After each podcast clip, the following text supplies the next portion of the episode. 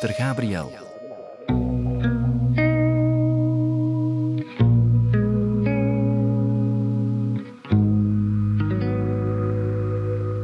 Ik ben op zoek naar wat er echt is gebeurd met zuster Gabriel, die in maart 1982 verdwenen is uit een klooster in Dendermonde. Soms zitten wij gewoon aan de balie en dan hoorde je ineens zo... Uh... Dan wordt er altijd gezegd van, ah, dat zal zuster Gabriel zijn. Heeft iemand haar gedood? Wie was dat? En waarom dan? Op zeker ogenblik s'avonds was er een zeer harde ruzie tussen uh, zuster Gabrielle en... Uh, Morny. En de volgende dag was zij verdwenen. En terwijl ik me dat afvraag, is de politie aan het graven op de plaats waar zuster Gabriel verdwenen is, in de hoop dat haar lichaam er nog gevonden kan worden. Wel, dat zijn skeletresten. Natuurlijk ja, moest het lichaam heel, heel goed verpakt zijn. Uh, dan zouden we daar eventueel nog wat zacht weefsel kunnen vinden. Maar we gaan ervan uit dat het skeletresten zullen zijn. Met die graafwerken van de politie zitten we al een paar maanden ver in mijn zoektocht. Misschien moeten we eens helemaal terugkeren naar het prille begin. Hallo, dag kom binnen. Dank u, ik ben nog iets te doen, denk ik. Ik heb het al eens gezegd, hè. mijn eigen moeder is ook een oud-leerling van zuster Gabriel. En ik wil dus eerst met haar over de zaak praten. We spreken af bij Marita. Dat is een nicht van mijn moeder, die ook bij zuster Gabriel in de klas heeft gezeten. Zo kunnen ze samen herinneringen ophalen. Ah, ja? Mijn schoenen uit. Op tafel staat er al een zelfgebakken taart klaar voor bij de koffie. Ik heb een doosje pralines meegebracht en wanneer iets later mijn moeder aankomt, blijkt ze ook gebakjes mee te hebben. Dag Greta, kom binnen joh. Joes, een kleinigheidje. Mossé. Ja, dat is maar een kleinigheidje. Ja, Philippe kleinigheidje, wij kleinigheidjes, het zijn allemaal kleinigheidjes. Bedankt. Dat maakt een grotigheid, hè? Ja, dat is dus mijn familie. Maar volgens mijn dokter kan ik nog best oud worden als ik mijn pilletjes maar blijf nemen. Maar goed, we moeten het over zuster Gabriel hebben. De gabben zijn Dat was algemeen haar naam. Ja, de gabben. Ja, misschien nog even over die naam. Ik heb het nu de hele tijd over zuster Gabriel, ook al wordt haar naam eigenlijk Gabrielle geschreven. Maar in en rond Dendermonde heeft zowat iedereen het eigenlijk over zuster Gabriel, of over de Gabbe dus, haar bijnaam. In krantenartikels staat soms ook zuster Gabi, maar ik heb niemand gesproken die haar zo noemde. En om helemaal volledig te zijn, haar echte naam was Germaine Robrechts. Maar in die tijd kreeg je een andere naam als je in het klooster ging. Ik vond dat een toffe zuster en veel interesses. Voor mij was dat een feministe zo, à Ja. Als ze nu aan het werken waren, nee, tuinmannen waren bezig in de tuin. Zij was er altijd bij. Ze stond zij door met te klappen en ze moest dat precies allemaal weten. Die andere zusters deden dat niet. Maar zij was altijd... Ja. Geïnteresseerd, ja, ja. Het schijnt dat zij ook vaak eh, naar dat café ging, op een dijk daar. De dijk waar ze het nu over hebben, dat is de dijk van de Dender, de rivier die achter het klooster loopt. Daar waren twee, cafés. Ah, wel, daar schijnt gingen ze zijn veel. En dat was dan ook een keer dat ze heel laat terugkwam in het klooster en dat ze onder haar voeten kreeg. Waar heb jij gezeten? Nou, allee, wat kan dat nu kwaad? Heb je daar iets gedronken? Dat geeft nu toch niet? Ook de, elke zaterdagmorgen, elke zaterdag is misschien overdreven, maar dikwijls de zaterdagmorgen, stond ze aan de ingang, controle van de uniformen. En als je het meeste dag afweek van het uniform, terug naar huis. Hè, zonder Ja, want toen was nog les op zaterdag. Ja. Dus toch best een strenge zuster, begrijp ik. Dat was zo geen devote non. Dat is het enige, Ja. dat was nonchalante wat ook, vond ik. Daarom dat ik dat eigenaardig vind dat die met Mornie overeenkwam. Mm. Wij lachen daarmee. Mornie, dat was al zo'n bezenkoekske. Bezenkoekske. Dat zegt wij daar tegen, dat bezenkoekske. En dat was ze zij niet. hè. Nee, En absoluut. wat, wat is dat dan zo, zo heel serieus en sereen? Ja, we en- zouden hem de communie geven zonder te bichten. Hoewel, achteraf gezien dan toch niet. Had hij serieuze bicht nodig, Ah, ja. maar dat wisten wij toen niet.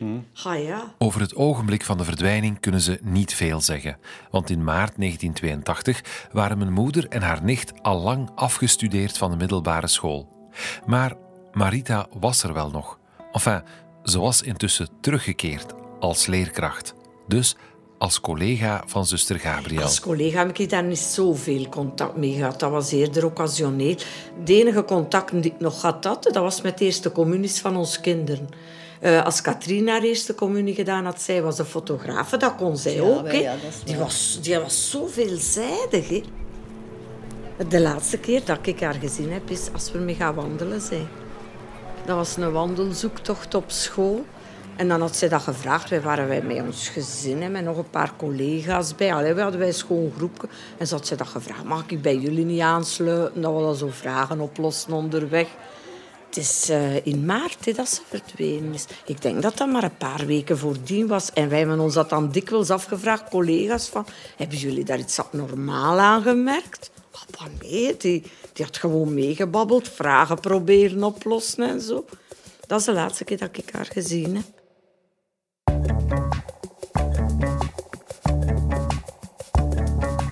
Zo'n klein onbeduidend figuurtje, zo'n klein viesmannetje. Ja, ja, klein manneke, ja. ja, ja. En dan begonnen er ook zo wel die geruchten van ja, ze hebben ze iets aangedaan. Je luistert naar Waar is zuster Gabriel? En ik ben Filip Heijmans.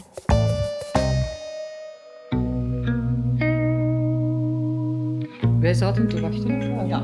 in de tekenklas. In haar lokaal. Dat was haar lokaal. haar lokaal hè. Ja. We hadden de eer om daar in haar lokaal te mogen. Ik vond dat altijd wat een eer. En mochten in die klas aan die grote tafels zitten. Marita en andere leerkrachten hadden niks speciaals gemerkt aan zuster Gabriel voor haar verdwijning. Maar hoe zat het met haar leerlingen op dat moment? Ik denk dat dat op een woensdag Ja, was. Bij mijn hoofd zit dat ook zo midden in de week. De twee eerste uren hadden wij tekenen, Ja. wetenschappelijk tekenen. Ja. Ze kwam niet af. Om dat te weten te komen, heb ik in een zaaltje in Dendermonde afgesproken met drie vrouwen van 57, 58 jaar. Hilde Jacobs. Kathleen van Oei. Ik ben Marie-Paul Hiel en samen met mijn klasgenoten waren wij 18. Dus het laatste jaar in de zesde wetenschappelijke A, toen zuster Gabriel verdwenen is. Via via ben ik met Marie-Paul in contact gekomen en zij heeft meteen twee klasgenoten uitgenodigd. De wetenschappelijke A, want in mijn tijd was het alweer veranderd. Wat, wat voor richting was dat? Heel veel wiskunde. Negen uur wiskunde in het laatste jaar. En van zuster Gabriel hadden wij wetenschappelijk tekenen. En esthetica, maar dat was niet, dat was niet het laatste. Dat was in het vierde jaar of zo. Dat is ook... De drie vrouwen hebben foto's van toen meegebracht. En hoe meer herinneringen ze die ochtend ophalen, hoe meer ik hen zie veranderen in die meisjes uit het zesde middelbaar. Ja, ik heb de indruk dat ik hier zo plots weer met Ja, ja, zesde middelbaar zit. dank u. Wij zien er niet meer zo uit. Maar ik weet niet wat het een compliment is, maar... Het is, het is zo bedoeld, ja. Ik heb Ja, ja. het gevoel van dat de van... van Ja, ja. In elk geval, zij hadden dus les moeten krijgen van zuster Gabriel, die bewuste ochtend van haar verdwijning. Wetenschappelijk tekenen, de eerste twee uur van de dag. Dat zijn de Chinese inkt. Met een roodringpen Ja, en met... ja, met eh, onze dus- inkt moest dat Ja, en dat was grote blaren en dan moesten we ja, een grote, grote lessenaar hebben. En dat was een grote klas, hè. Ja, ik weet niet wat dat ze in gedachten hadden toen ze die klas ingericht hebben, maar... Het zaten- heel wat meer dan onze kleine groep die richting Ja. ging volgen, Ja, denk ik. ja, ja. En hoeveel waren jullie? We 17 in het laatste jaar, hè. 16? Ja, zoiets. 16. En met die 16 of 17 meisjes zitten ze rond half negen 's morgens klaar voor hun les van zuster Gabriel. Maar die komt maar niet. Heel ongewoon, maar wij, wij waren blij. Zo, ja, weet je, een beetje aan het keuvelen en aan het babbelen. Wij hebben dat ook volgens mij niet direct gaan zeggen. Niet het eerste kwartier, nee. dat zeker niet. Maar na een half uur, een uur, zijn we dat toch gaan zeggen. En dan waren ze al kwaad dat we dat niet direct gezegd hadden. En dan is het eigenlijk allemaal begonnen, hè. En dat hadden ze dus nog nooit meegemaakt. Zuster Gabriel die er niet was. Waar is ze nu? Ze was altijd stipt, hè. Bij mijn weten kan ik me niet herinneren dat hij onverwacht er niet zou geweest zijn. En zo ze dat zeker gezegd hebben, maar... Ja, dan zou er ook van de studiemeesters Ja, of studiemeesteres zou er iemand ja. geweest zijn, hè. Ja. En er is niemand gekomen, dus er was iets raar.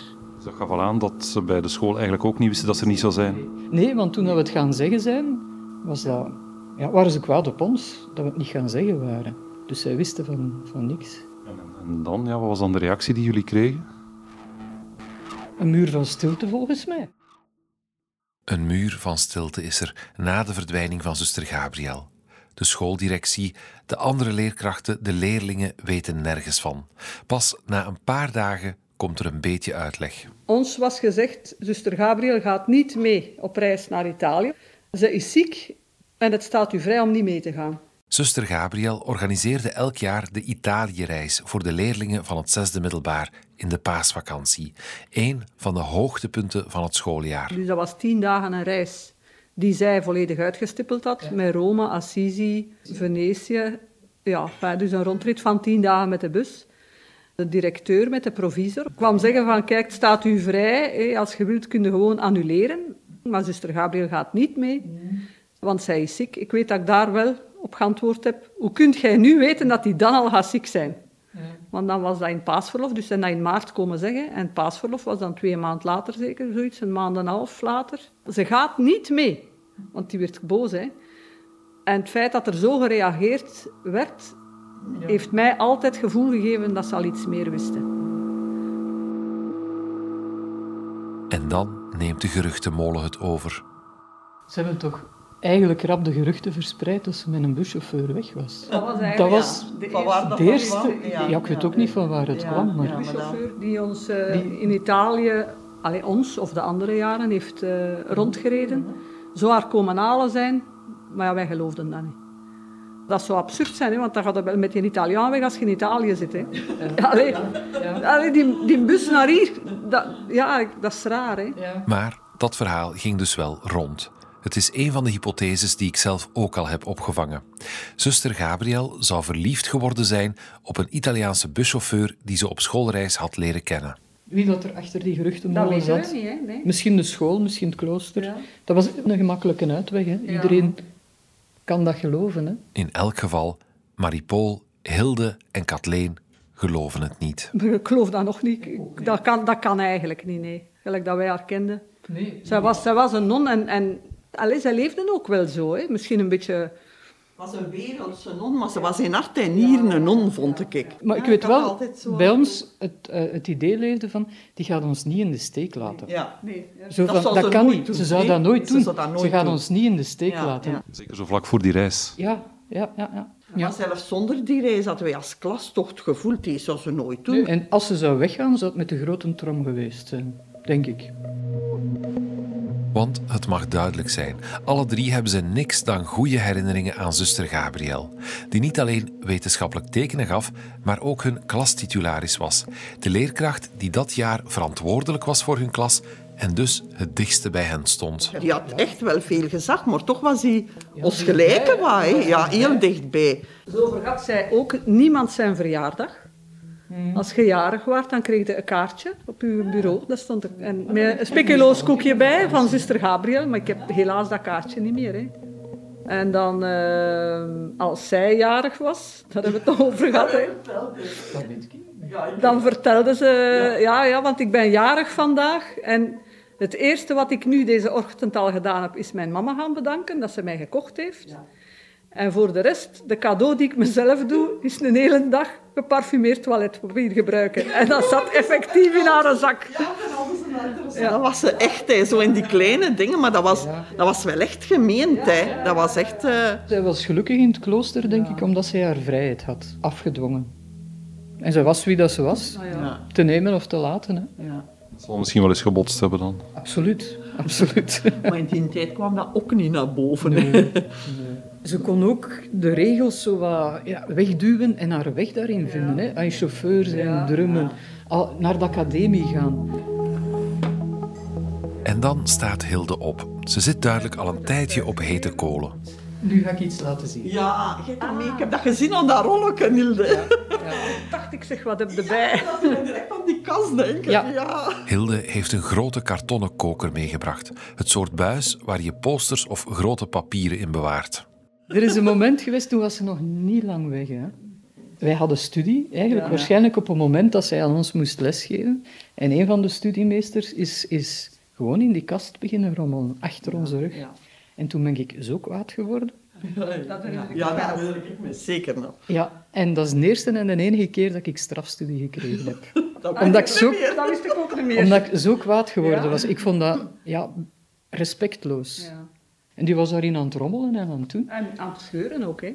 Ja. En daar zaten allemaal eigen, eh, eigen tekeningen in. Ja, dan zal zij academie gevolgd hebben, vermoed ik. Studies. Ja. maar ik herinner me nog veel. Heb je geld in meegenomen? En wanneer is dat dan gebeurd als die kast zijn komen leegmaken? Een week of twee nadien. Ja, een paar weken eigenlijk zeer Vrij snel. Nog Ja. voor die Rome-reis. Ja. Ja, Ja, ja, ja.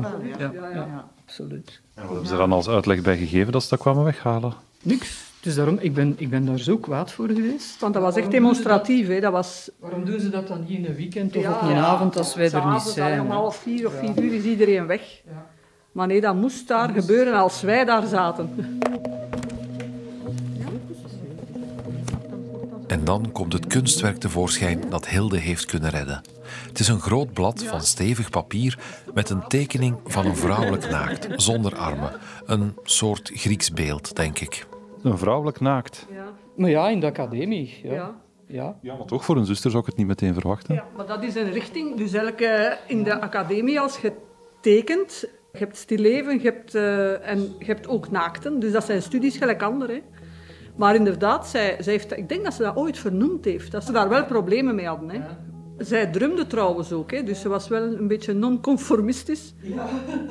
Ah, heel de proficiat, ik heb dat, heb dat mooi gedaan. teruggevonden heb. Ja, gewoon Hij was ik de enige stoute die Dat dat weet ik niet, toch van ons drie precies.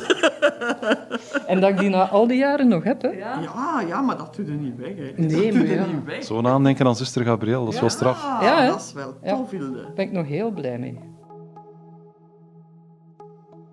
De lege kast maakt het voor de leerlingen duidelijk. Zuster Gabriel komt nooit meer terug. En het is niet de bedoeling dat er nog over haar gesproken wordt. Ja, dat was ook in die tijd gewoon zo. Hè.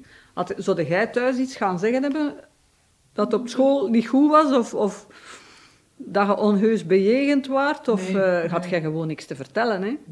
Dus wij zwegen wij gewoon mee. Ik bedoel, we konden gaan door elkaar een keer iets zeggen, maar dat ging nooit verder gaan. Naar leerkrachten hadden wij afstand. Hè. Zeker ook naar, naar zusters. Of, allee, dat zou ik zeker thuis niet moeten zeggen hebben. Niets over leerkrachten, maar toch niet slecht over, eh overal wat dat met de kerk of de klooster te maken had. Maar het is niet dat, dat jullie nog met een andere zuster erover gesproken hebben na haar verdwijning. Nee, nee. Nee, Voor denk, zover dat die dan al iets zouden zeggen. als die al iets wisten of mochten, dat die zullen dat niet gedaan hebben. Dat is echt zwijgcultuur. Ja, ja, Ja. En dan komen we opnieuw bij de speculaties uit. En dan begonnen er ook zo wel die geruchten van, ja, ze hebben ze iets aangedaan ja, in het Ja, klooster. ja, ja. Dat, dat, begon, dat begon eigenlijk al, Ja, ja. al rap, hè. Zelf weten ze uiteraard ook niet wat er gebeurd is. De priesterdirecteur van het klooster kende ze wel. Ah, Die wandelde daar in de Nof altijd. Dat was zo'n klein, onbeduidend figuurtje. Ja, wel, Nee. Ik had een vriendin die in de menswetenschappen zat. En die kreeg daar wel les van. Hè. Ja. Zonder referentie naar zuster Gabriel. Hè. Maar die gruwelde daar wel zo precies een beetje van. Zo'n klein vies mannetje. Ja, zo. ja, klein vies manneke, ja. ja, ja. Ook de geruchten dat hij een dubbel leven zou leiden, waarin hij dingen deed die voor een priester niet echt passen, hadden ze toen nog niet gehoord. Je kunt van alles beginnen denken. Hè. Een ongelukkig geval tijdens een ruzie, wel bewust, wie zal het zeggen? Iemand die iemand ingehuurd heeft om... Ik denk wel dat het misdaad is. Ik, kan heel goed een, een, een verkeerde val geweest zijn tijdens een ruzie. maar dan vind- ja, maar dan, dan gaat dat uitkomen. Ik, zeg- ik, ik geloof dus- er Maar ja, dan moeten ja. er mensen zijn die dat mee in de doofpot steken. Ja. Sowieso. En dan door degene die door iedereen genoemd wordt. Goh, dat durf ik zelfs nog niet zeggen. Dat, door hem, dat weet ik niet. Wat is daarom dat ik zei? Maar wel, misschien wel ingehuurd een of... aanleiding. Ik denk wel dat dat een serieuze aanleiding kan zijn, omdat er zullen er misschien nog wel geweest zijn die dat niet opportun vonden dat zij te veel wist en misschien ook wel van plan was om... Want zij kon daar niet mee leven. Hè. Zij, zij had geen slecht in, in zich. Zij wou niks dicht toedekken. Zij wou gewoon non zijn, Ja. maar principieel, dat wel. Ik vond dat dat echt heel eh, een rechtvaardigheidsgevoel was. Dat hij met een aantal dingen waarschijnlijk, dat ze wist, niet zal kunnen leven hebben. Maar het blijft bij gokken. Wat er echt gebeurd is, dat vragen Hilde, Kathleen en Marie-Paul zich nu al 40 jaar af. Moesten we dat kunnen ontrafelen? Amai. Dat zouden wij heel erg, heel erg appreciëren. Ja. Ja. Want dat blijft zo wel hè, zo een onrechtvaardigheid. hè, Ja. van, Ja. Wat is er gebeurd? Ja, waarom? Ja. En waarom mogen we dat allemaal... waarom is dat nooit uitgekomen? Ja, Waarom is er niemand voor gestraft? Allemaal vraagtekens. Voor de drie leerlingen, voor Marita als collega van zuster Gabriel en ook voor andere personeelsleden van de school. Ik heb met nog iemand anders gesproken die toen op de school werkte. Ik ken haar persoonlijk, maar ze heeft mij gevraagd om haar naam niet te noemen. Ik werkte op dat moment in het Technisch Instituut Sint-Vicentius op het secretariaat. En Sir Raymond, zuster Raymond, eh, dat was onze directrice, komt binnen op eh het bureau. Oh, zegt ze, oh, ze was helemaal over haar toren. Oh, dat is nu toch wel erg. Nu heeft zuster Gabriel haar kap overdag gesmeten. Op de dag van de verdwijning krijgt ze dus al meteen van een zuster te horen dat zuster Gabriel haar kap over de haag heeft gesmeten, dat ze dus zelf weggegaan is uit het klooster. Op dat moment dat ze dat zegt, krijg ik zo echt een flits in mijn hoofd van... Die heeft haar kap niet overdag gesmeten. Die is dood, die ligt in het water. Mornie heeft dat gedaan. Gewoon zo direct, vlam. En had je dan een reden om, om Mornie zo direct te gaan verdenken? Nee, wanneer? Wanneer had ik daar geen reden voor? Die mens was, was altijd vriendelijk. Als ik die zo een keer tegenkwam op de speelplaats of zo, die, die was altijd vriendelijk, daar was niks mee. Zo'n visioen, verschijning, ingave, hoe je het ook wil noemen, ik sta er wat sceptisch tegenover. Maar ik kan me wel voorstellen dat de vrouw zich daardoor misschien wat anders is gaan gedragen tegenover de priester. Misschien heeft ze onbewust laten merken dat ze bang was voor hem. Ik moet wel zeggen, zo'n week of twee na dit voorval dan. Ik werkte in die tijd ook de woensdagnamiddag. Ik zat helemaal alleen op het secretariaat en Mornie komt daar binnen. Ik weet dus nog altijd niet wat hij daar kwam doen. Hè. Dat was niet zijn gewoonte. Nee, nee, die moest daar voor niks zijn. Hè. En die kwam er gewoon op een woensdagnamiddag binnen. Ik kreeg zo echt koude rillingen. Ja, ik, ik was er alleen, ik was bang. En ja, dan begon hij zo van... "Goh, en zit jij zo helemaal alleen? En op woensdagnamiddag... En dan, in, dan begint hij over... Oh, en Sir Gabriel, dat is nu toch wel erg dat hij zomaar vertrokken is. Had ze dat nu toch gezegd dat ze dat wilden doen? Ja, dan hadden wij dat kunnen in orde brengen voor Rome. En nu is hij in de ban van de Heilige Kerk geslagen. Allee, hoe heeft ze dat nu toch kunnen doen? En echt waar, dat was bij mij zo van... Huigelaar, hoe durfde jij? En, en dat was zo eigenlijk ook wel een beetje een tweestrijd. Want hoe kun je nu zoiets denken? Die mens is toch altijd vriendelijk. Waarom zit jij met zo'n ja, gedachten? Het is een vreemd verhaal, waarbij er toch een soort dreiging van Mornie lijkt uit te gaan. En die moet wel gezien hebben dat, dat, dat ik bang was. Dat, dat kan niet anders. Hij moet dat gezien hebben. Het is ook raar dat hij over de ban van de kerk begint, want dat is bij mijn weten ook nooit gebeurd als hij in de ban is geslagen. ja, ik weet het ook niet, maar hij zei dat op dat moment. Maar het was dus nog wel eens om duidelijk te zeggen, ze is zelf vertrokken. Ja, ja, ja, ja, ja, ja, absoluut, ja. Ja, ik heb gesproken met wat eh, vrouwen die toen ook les van haar moesten hebben de dag dat ze verdwenen is. En die zeiden, vanuit de school is er ook al vrij snel, de week nadien of zo, gezegd, die heeft haar kap overdag gesmeten, die is verdwenen, die komt niet meer terug. Maar dat is dan eigenlijk een verhaal dat vanuit het klooster gekomen is, als ik het goed versta. Ja, dat was de eerste dag. Dus de, e- de allereerste morgen, dat was eh, dus ja, wat eh zuster Raymond, de toenmalige directrice van het Technisch Instituut, eh, zei. Het verhaal dat zuster Gabriel zelf vertrokken is, komt dus blijkbaar uit het klooster en is op die manier verder verspreid naar de school. Maar nu ga ik nog een beetje verder terug in de tijd, naar de dagen net voor de verdwijning. Een van eh, haar laatste zinnen in haar agenda was langs geweest bij Van der Kruisen. Want op Facebook heb ik een interessant bericht gezien. In de groep Gezeid van Dendermonde komt de verdwijning van zuster Gabriel natuurlijk geregeld nog eens ter sprake. En zo valt mijn oog op een bericht van iemand die zegt dat de zuster kort voor haar verdwijning had afgesproken met zijn ouders. Ja, ik ben eh, Wim van der Kruisen.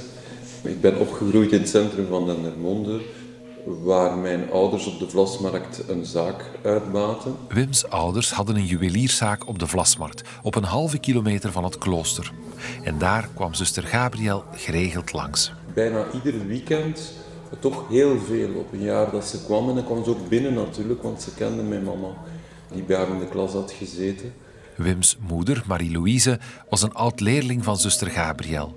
En na haar middelbare schooltijd had ze nog verder gestudeerd voor leerkracht, wat toen de normaalschool werd genoemd. Toen ze in de normaalschool zat in Dendermonde, zuster Gabriel had daar een kelder waar ze creatief bezig was, eh, waar ze ook, eh, ik denk zelf, muziektoestellen had en dergelijke. En mijn mama ging zo, als het saaie uh, lesuren waren, dan uh, verstopte ze zich bij zuster Gabriel in de kelder en die speelde dan een beetje dat spel mee. Dus ze ging daar een beetje spijbelen? Dus ze ging eigenlijk soms daar een beetje spijbelen bij zuster Gabriel. Wims moeder, Marie-Louise, is trouwens ook in de kamer tijdens het interview. Dat is eigenlijk een vriendin, hè. Die heb ik in school leren kennen. Maar kom er graag bij zitten, mevrouw. Nee, nou, ik, ik heb schrik voor jullie te besmetten. Ah, maar anders zet ik ook een mondmasker op, zo. dat is geen probleem. Ze wil liever zelf niet voor de microfoon komen omdat ze zich wat ziek voelt, dus Wim mag het woord voeren. Maar af en toe komt ze er toch even tussen. Die opnames zijn dus helaas niet zo fantastisch. Maar goed, ze had dus ook na haar middelbare schooltijd nog veel contact met zuster Gabriel. Die kwam geregeld naar hun winkel. En daar zag ze Wim zitten, die toen een jaar of tien was, terwijl zijn ouders druk bezig waren in de winkel. In die tijd waren er weinig of geen computers. Of, of, of, of, dus dan in de zomervakantie duurde die soms heel lang.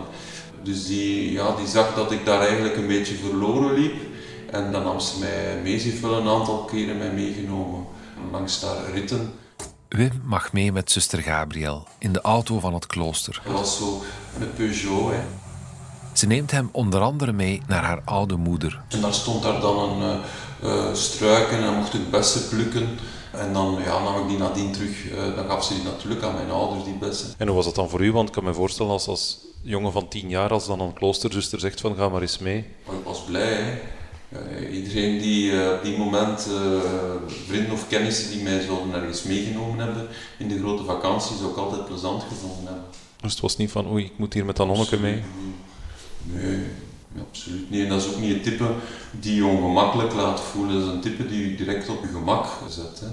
Die op je niveau probeert te, te praten. Dat was dus was geen stijve dame, absoluut niet.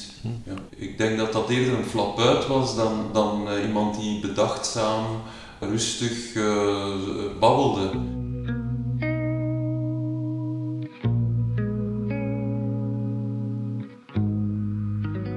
Grappig genoeg koesteren ze ook hier een kunstwerk van zuster Gabriel. Geen houtskooltekening, wel een werkje in keramiek. Ik zie er eerder wel iets semi-religieus in, van uh, mensen, drie figuren die aan het zingen zijn bijvoorbeeld in een mis of zo. Maar het is zeer modernistisch gedaan. Mm -hmm. ja, dus die figuren zijn een beetje met een Modigliani-nek uh, uh, zo. Mm -hmm. dus ze zijn zo wat uitgerokken. Maar dat maakt het ook wel knap. Ja, want je dacht wel van kunstzinnigheid ook. Ze had toch wel kunstzinnigheid. Dat was mee met tijd. Dat zie je ook in dat hier nu. En ze, maakte, ze schilderden ook. Hè. Mijn mama heeft er ergens nog een schilderijtje van en daar stond dan op en dat vond ik zeer moedig. Uh, al is uw scheepje nog zo klein, leer in het leven moedig zijn. In het voorjaar van 1982 komt zuster Gabriel opnieuw langs bij de familie van der Kruisen voor de zoveelste keer. Maar, wat ze dan nog niet weten, ook voor de laatste keer.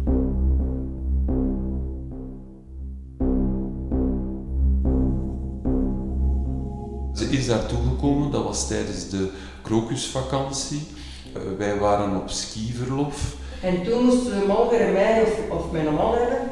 En dat was, ja, ze is wel niet mee, hier is Marie-Louise daar niet. Ja, die zijn op vakantie en dat was zo zenuwachtig. Ik heb zelf gehoord dat er nog medewerkers ook aanwezig waren en die zeiden ze doet zodanig raar, het is precies een vrouw die verliefd was. Het was iets eigenaardig, het was niet een normale gemoedstoestand. Super zenuwachtig en dat was dan ook het laatste in haar agenda heeft gestaan. En ze moet kort nadien dan verdwenen zijn. Zuster Gabriel is verdwenen in de nacht van donderdag 4 op vrijdag 5 maart 1982. Dus niet op een woensdag, zoals Marie-Paul, Kathleen en Hilde zich dachten te herinneren. En haar laatste bezoek aan de familie van der Kruisen vond plaats in de krokusvakantie. Daar is Wim zeker van, want ze waren toen op skivakantie. Er zou moeten nagekeken worden wanneer de krokusvakantie viel.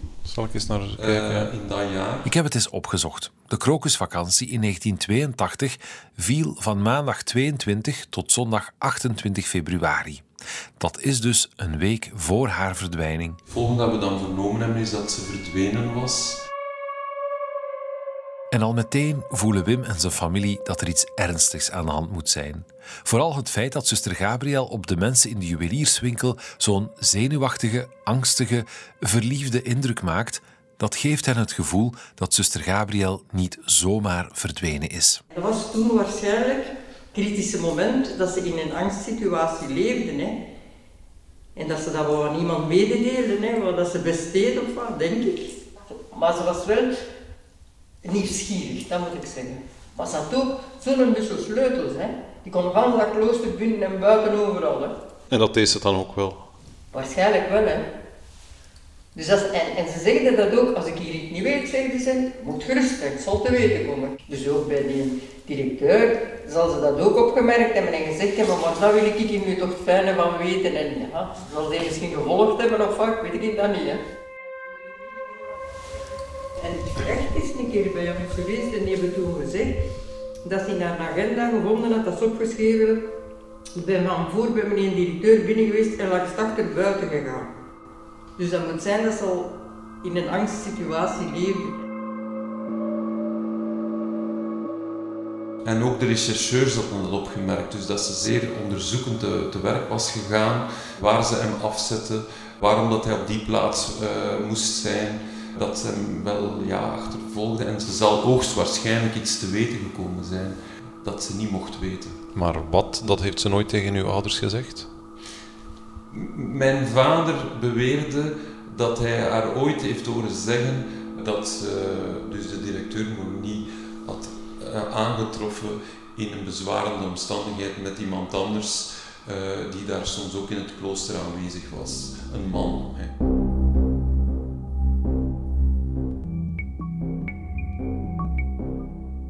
Weet niet welke details dat ze zal gegeven hebben. Zal ze dat vaag geïnsinueerd hebben? Ik weet er het fijne niet van. Maar ik heb dat wel ooit horen vertellen door mijn vader. Ja. Mijn vader zei mij ook dat ze eh, ooit tegen hem iets heeft gezegd van dat ze ergens eh, over onregelmatigheden had te weten gekomen, financieel in verband met verbouwingen of met werken aan het nieuwe klooster of zoiets, waar dat die Morny dan bij betrokken moet geweest zijn als directeur. Dus ja, motieven zullen er wel genoeg geweest zijn om eh, de zuster het zwijgen op te leggen.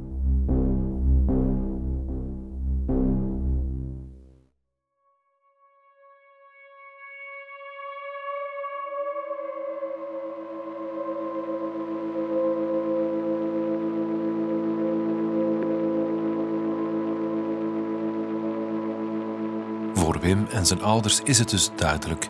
De priester-directeur zou motieven gehad hebben om zuster Gabriel te laten verdwijnen. Ofwel omdat ze hem had betrapt met een man. Ofwel omdat ze had ontdekt dat hij betrokken was bij gesjoemel. Twee dingen die ze tegen Wims vader zou hebben verteld. Maar de details kennen we niet. Wim weet wel dat de directeur na de verdwijning in Dendermonde rondvertelde dat zuster Gabriel hem nog gebeld had om te zeggen dat alles goed met haar ging. Directeur Mourny, die kort na haar verdwijning vertelde van ja, zuster Gabriel heeft mij opgebeld en ze zei, hier is uw kind die gij zo hard bemint.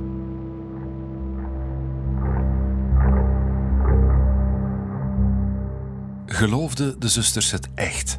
Dat zuster Gabriel zelf vertrokken was, misschien naar Italië? Misschien wel. Het is nog altijd niet uitgesloten. Ze vertelde ooit tegen mijn mama, eh, kijk, moest ik nu niet meer naar eh, het klooster terugkeren s'avonds, er zouden mij niet veel mensen missen. En dat getuigt nu niet dat ze haar super graag gezien voelde door iedereen. Want het was zeer eigenaardig als dan zuster Gabriel verdwenen was En men sprak dan eens een zuster aan op straat of zo die je kende en je zei wat, met zuster Gabriel. En waarop dan die zuster antwoordde, zuster Gabriel die zou niet meer welkom zijn. Dat is ooit wel eens gezegd. Als ik moest ooit komen te verdwijnen, en wij zullen ze nooit niet vinden.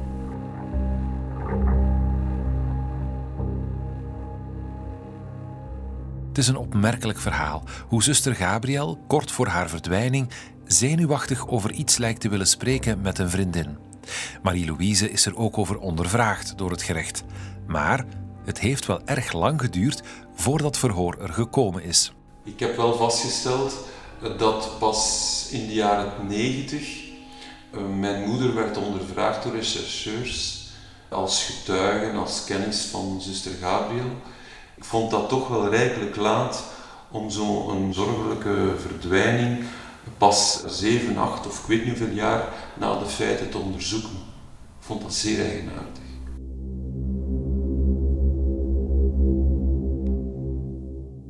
Als zuster Gabriel nooit meer gevonden werd, komt dat dan omdat de politie haar pas na een paar jaar is beginnen te zoeken. En waarom dan? Geloofde zij misschien wel het verhaal dat ze zelf vertrokken was? Volgende keer ga ik het aan de politie zelf vragen. Is niet normaal, hè? Godverdamme. Wordt er nog altijd kwaad van? Ja, echt, echt. Omdat we zo gefnuikt werden daaromtrent en, en je staat er machteloos tegen je weet. Dat gezegd. Maar we stonden perplex naar elkaar te kijken. Wat is met dat hier allemaal?